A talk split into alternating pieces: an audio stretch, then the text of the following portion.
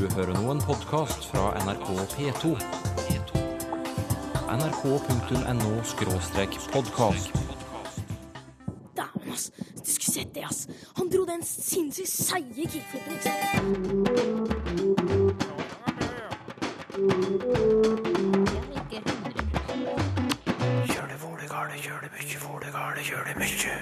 Kjole blir til kjole, og kino blir kino.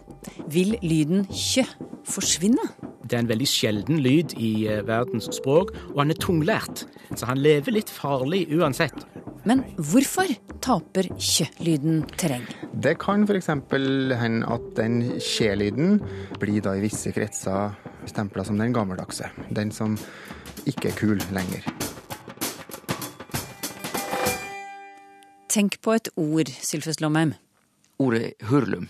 Som i Hurlumhei. ja, ja, det er det hjemme hos meg av og til. Åhå, ja da er ikke det stille der. Nei, og du har vel tenkt å gi lyd du også, mot uh, slutten av sendingen? Å ja da.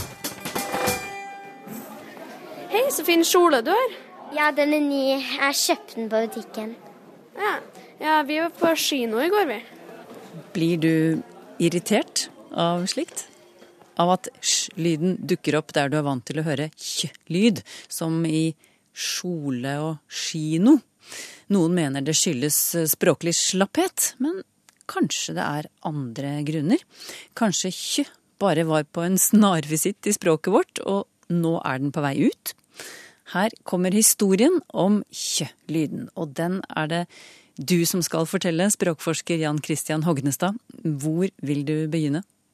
Jeg tror jeg vil begynne med å si at lyder i språk eh, faktisk kan sies å ha livsløp. De blir født og har en barndom, så har de et voksenliv, og noen ganger så kan vi påvise alderdom og kanskje til og med spå mulig død. Så eh, da har jeg egentlig lyst til å, å begynne med fødselen til Kjø, men hvis du tillater, så har jeg lyst til å gå en bitte liten omvei. Ja, eh, de omveiene dine de pleier å være ganske nyttige, så det får du lov til herved. Ja. Flott. Eh, da har jeg en bitte liten øvelse som lytterne kan eh, prøve seg på sjøl, nemlig å uttale de to små ordene med og må. For da er det jo sånn at det ene har en urunda vokal e, og den andre en runda vokal å. Og det folk ofte merker, er at når de sier må, så er det ikke bare å-en som blir runda, men m-en blir det òg. M-en tar preg av omgivelsene sine, sånn at i mikro-mikroperspektiv så har vi ikke bare én m på norsk, vi har flere. En som er runda, og en som ikke er runda. Med og må.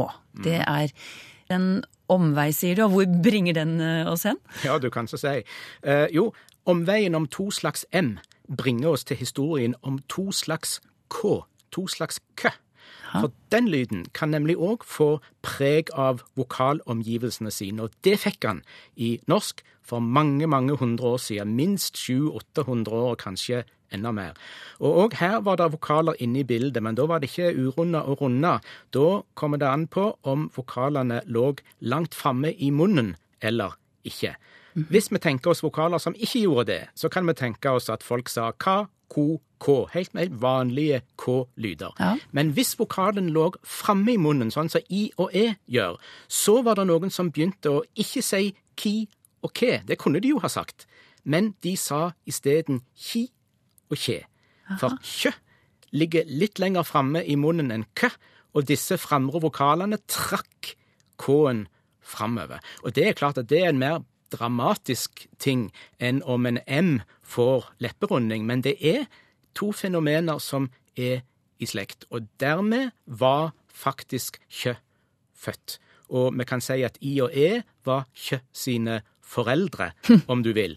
Og eh, hvis vi skal holde oss til dette livsløpsbildet mitt, så er det jo sånn at så lenge vi er små, så er vi veldig avhengig av foreldrene våre, og ikke bare vil, men må være der som de er. Og sånn var det med Kjø-barnet. Det opptrådte bare når det kom en I og en E etter, og var ikke noen selvstendige lyd, bare et lite lydbarn. Eh, Men da lurer jeg på, var dette noe folk valgte? Sånn, nå skal jeg jammen begynne å si kj istedenfor k. Ja?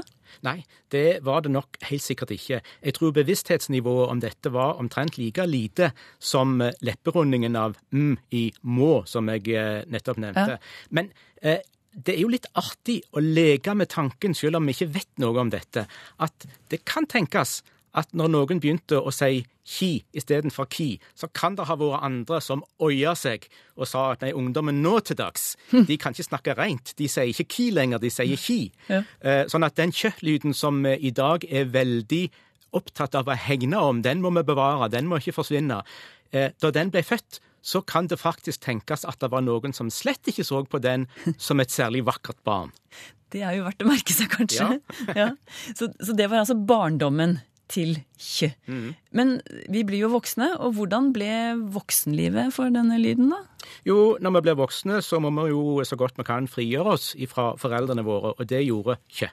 For det skjedde andre ting i språket som vi ikke skal gå i detalj på her, eh, og som gjorde at kjø etter hvert ikke bare kom til å stå foran i og e, men begynte å leve sitt eget liv og kunne stå mange plasser i ord og stavelser.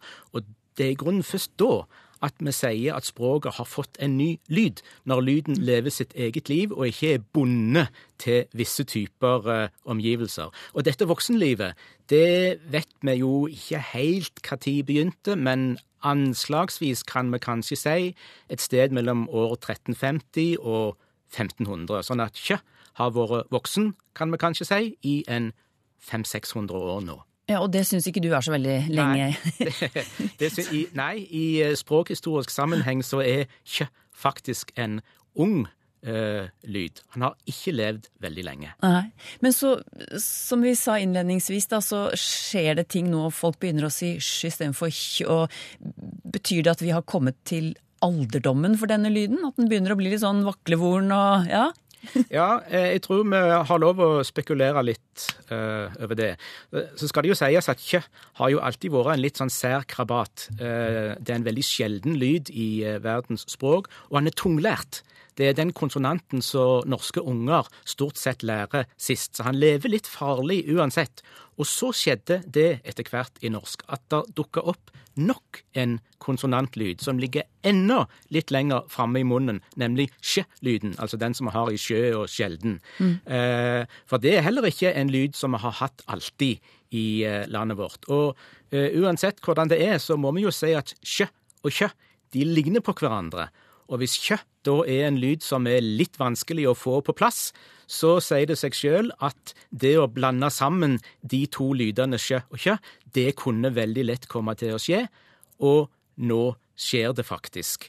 Eh, og det er jo det eh, folk erger seg over nå, ikke sant? At denne kjø-lyden vandrer enda lenger fram i munnen på sine gamle dager, og støtter seg nå til sjø-lyden, sånn at Kjell blir til Kjell, og Kjede blir til Skjede, osv. ja. Men du, du sier at blande sammen. Eh, skjer det den andre veien òg? At, at vi sier eh, istedenfor sj? Eller er det bare den ene veien? Ja, Fint å spørre om det, for her tror jeg faktisk det ligger en liten eh, misforståelse. Fordi det er nemlig ikke sånn per i dag at kjø-lyden forsvinner. Det som skjer, er at kontrasten eh, i folks bevissthet mellom sjø og kjø blir svekka. Og da er det sånn at nesten alle de eksemplene som eh, folk i forferdelse gir, det er sånne eh, der kjø blir til sjø, altså i min dialekt at ikke blir til ikke, for eksempel. Ikke sant? Ja. Det er alltid sånne eksempler det kommer, en kommer med. Men eh, jeg snakka nettopp med ei ung dame som hadde pussa opp eh, badet sitt, og tror du ikke at hun hadde fått ny dusj? Aha. Og eh, eh, logopeder har med forferdelse fortalt meg eh, om skoleelever som forteller at de har fått ny kjorte. Ja. Så dette skjer faktisk eh, begge veier, ja. Husk enda en gang til på de to M-variantene eh, i med og må, og de to K-variantene foran framre og foran andre eh, vokaler. Nå tror jeg det samme er i ferd med å skje med sjø og kjø. De er i ferd med å bli varianter av hverandre. Folk har ikke noe høyt bevissthet om eh, de faktisk uttaler den ene eller den andre. Ikke alle skiller mellom sj og hj lenger. Det fortalte Jan Christian Hognestad ved Universitetet i Stavanger. Og da er det naturlig å spørre hvorfor. Hvorfor har det blitt slik? Hvorfor skjer det nå? Hvorfor skjedde det ikke for to generasjoner siden, eksempel? Språkforsker Stian Hårstad ved Høgskolen i Sør-Trøndelag. Da du for få år siden skrev doktoravhandling om trondheimsdialekten, da registrerte du blant annet, skal vi si, utradisjonell bruk av sj-lyden blant unge. Hva var det du fant? Det som jeg fant i Trondheim, det ligner litt på det som Jan Hognestad snakka om. Det er altså et slags uh, kaos, eller uh, erstatning av den ene lyden med det andre i det her skje og kje-paret. Men det er bare én av alle informanter som har fullstendig utbytting, sånn at alle viser at de er i stand til å uttale skje fortsatt i en eller annen sammenheng. Så da prøvde jeg å finne et eller annet mønster der for å si noe mer, og det var ikke så lett å si. Altså, det fins Eh, informanter som har eh, skje og kje i samme ord. De sier kineser og kinesisk, f.eks. Det er en som sier det kun når en sier skjem, altså verbet kjem. Så det der ser litt sånn uh, tilfeldig ut så langt. Men det er ingen tvil om at skje er på frammarsj, og kje er tapeterreng, som sagt. Ja, og vi fikk jo nettopp beskrevet hvordan lyder kan påvirke hverandre og kanskje føre til eh, språkendringer.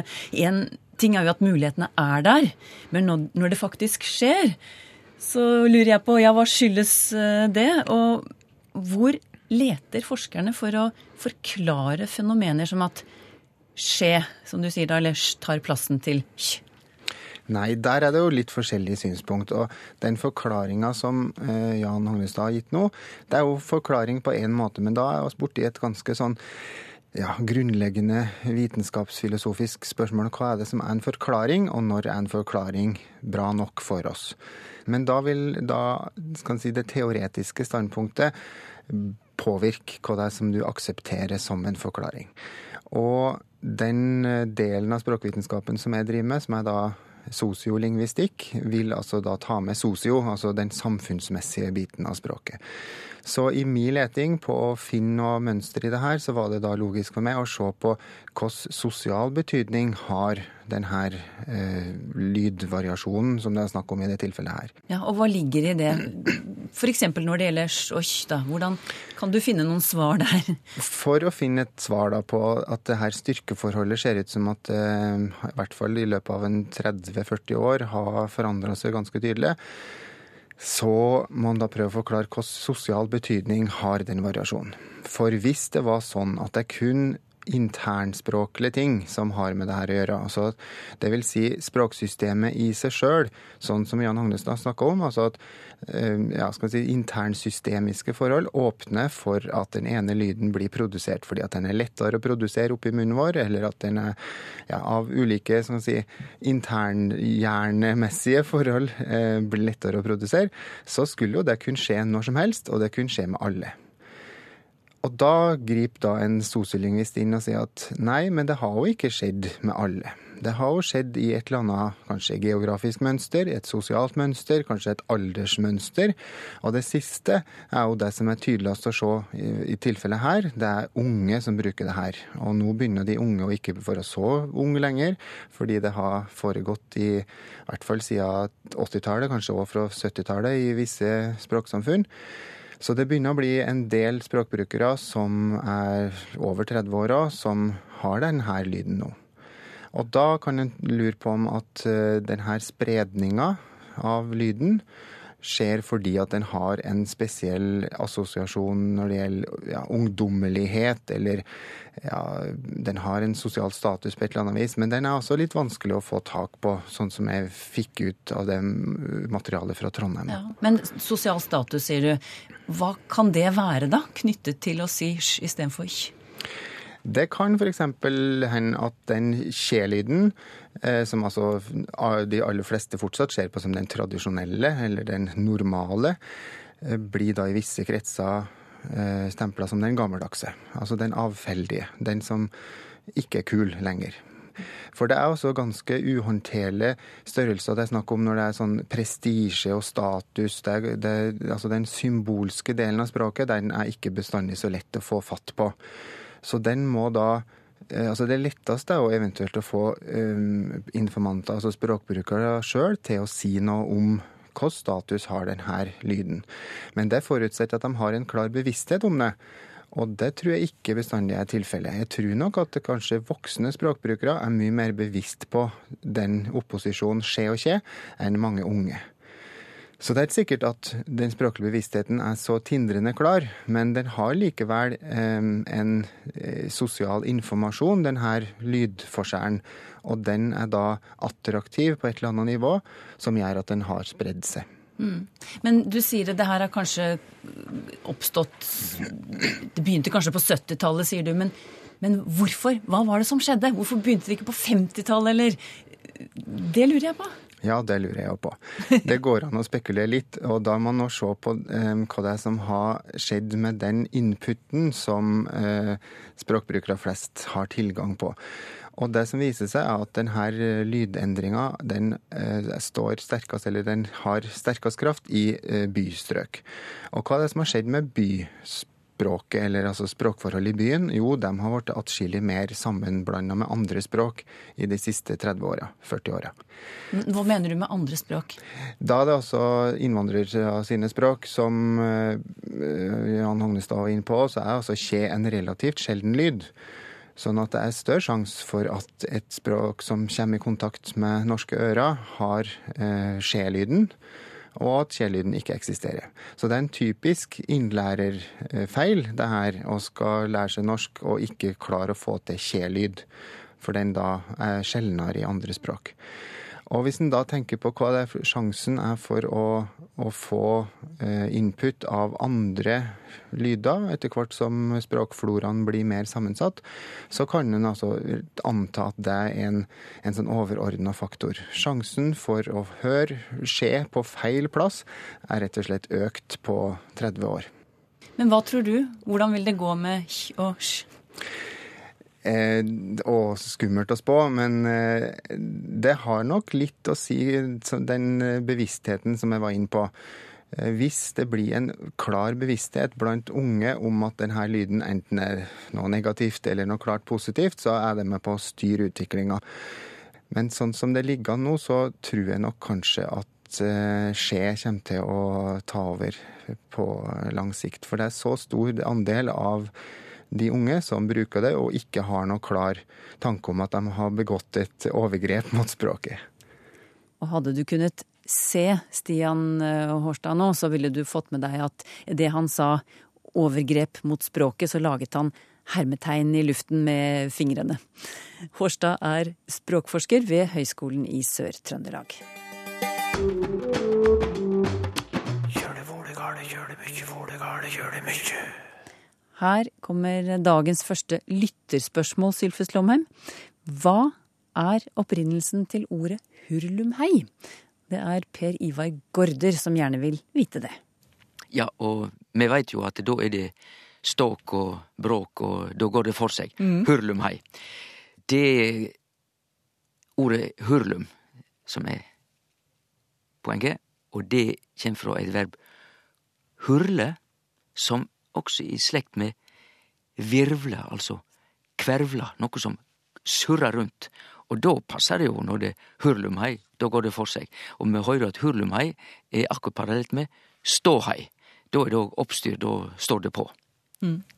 Du, dette spørsmålet fra Per Ivar Gaarder det dukket opp egentlig under et hyttebesøk i Valdres, og det var hytta som het Hurlumhei. Åhå, ja da er ikke det stille der. Ulf eh, Nestvold har et spørsmål til oss, og det er mange andre også som har skrevet om akkurat det. Bruken av ordet utfordringer. Og Ulf Nestvold spør kan Språkteigen fortelle meg hvorfor det greske ordet problem, som vi jo ble meget fortrolige med betydningen og bruken av, er forsvunnet. For nå handler det bare om utfordringer. Politikerne har utfordringer, og vanlige mennesker har heller ikke problemer. Nei, de sliter. Hva skjedde med ordet problem? ja, det er heilt sikkert at de som har fulgt med i språkbruken i norsk, har merka seg det samme. Jeg husker jeg var i eh, USA rundt 1990, det er altså mye over 20 år sia. Og da merka jeg dette er egentlig ei amerikansk greie i opphavet. Fordi at eh, de rundt 1990 var veldig opptatt av We don't talk about problems, we have challenges. utfordringar. Og det er jo en flott tanke som ligger bakom at ikke vi skal gjøre alt til problem. Vi må se på det som utfordringer som vi kan takle. Men det som kanskje ikke er så bra, er at nå, i vår tid, hos en del språkbrukere, så er det bare utfordringer, det fins ikke problem, og da blir det for gale den veien også. Så vi bør snakke både om utfordringar og problem, og så gløyme litt den amerikanske moten med at det ikke skulle være problem. Så ordet problem, det er gresk. Det betyr noe som blir framkasta. Pro betyr jo fram, så problem. Å kaste fram, underforstått, ei oppgåve eller et spørsmål, noe som du skal løyse. Petter Kittelsen vil at du Sylfest Lomheim, skal kommentere bruken av ordet unnskyldning. Han eh, syns ordet ofte blir brukt på en måte som skurrer litt. Når du har gjort noe galt, så ber du jo om unnskyldning. Og den du har gjort urett, gir deg forhåpentligvis denne unnskyldningen. Men så mener han at han stadig vekk hører ordet bli brukt helt omvendt. Altså at den skyldige gir unnskyldningen, f.eks. nå er det på tide at Norge gir krigsseilerne en unnskyldning. Eh, Hva mener du, Sylfest Lomheim? Ja, det å gi noen en unnskyldning er jo ikke så gale, det. Er tvert imot rett. For gir du noen en unnskyldning, så betyr det at du sier unnskyld. Så det er jo for så vidt rett. Men eh, eh, hvis dette med krigsseglerne, at de får en pengesum, og at det er å gi en unnskyldning, det blir jo liksom feil. For en pengesum er ikke en unnskyldning. Det er å seie fram noe. Unnskyld, sier du. Sjølve ordet er jo fint. Det er skyld, som betyr skuld, altså ansvar. Og så det som ligger i unn, er det samme som vi òg har i unna, altså ta vekk. Så unnskyld betyr å, å fjerne skulda. Du vil bli fråteken skulda. Da ber du om unnskyldning. Samme som å undra noe, det er å dra unna. På nynorsk så er det jo ordsaking. Der må jeg forresten legge til at mange nynorskfolk sier 'å, årsak meg'. Det er feil. Du må ikke si årsak. Årsak, det er en, en grunn. Men ordsak, det er preposisjon ord. Altså utord. og bli teken ut ord ei sak, altså teken frå saka. Så derfor er det skilnad på nynorsk. Vi må passe på. Skilnad på ordsak, ordsaking, og ei årsak. Men tilbake til dette med krigsseileren og det eksempelet. For det hender jo at, eh, det at staten offentlig unnskylder noe som har skjedd eh, i, i, opp gjennom historiene. Krigsseileren, eller det har noe med krigen å gjøre, eller noe sånt noe. Ja. Eh, blir det da feil å si at de gir en unnskyldning? Nei, det blir jo egentlig ikke feil, for det er jo en variant av å, å komme med unnskyldning, Jaha. eller å si Ja. unnskyld. Men det, det er jo blant annet det Petter Kittelsen påpeker her. Han mener at det er den som, eh, den som har, det har blitt gjort urett mot, som kan gi en unnskyldning til den som da ber om unnskyldning. Men den som har gjort urett, f.eks. hvis staten da på vegne av tidligere regjeringer eller gir en unnskyldning for noe som har skjedd en eller annen gang i historien, da er det jo den skyldige som gir unnskyldningen.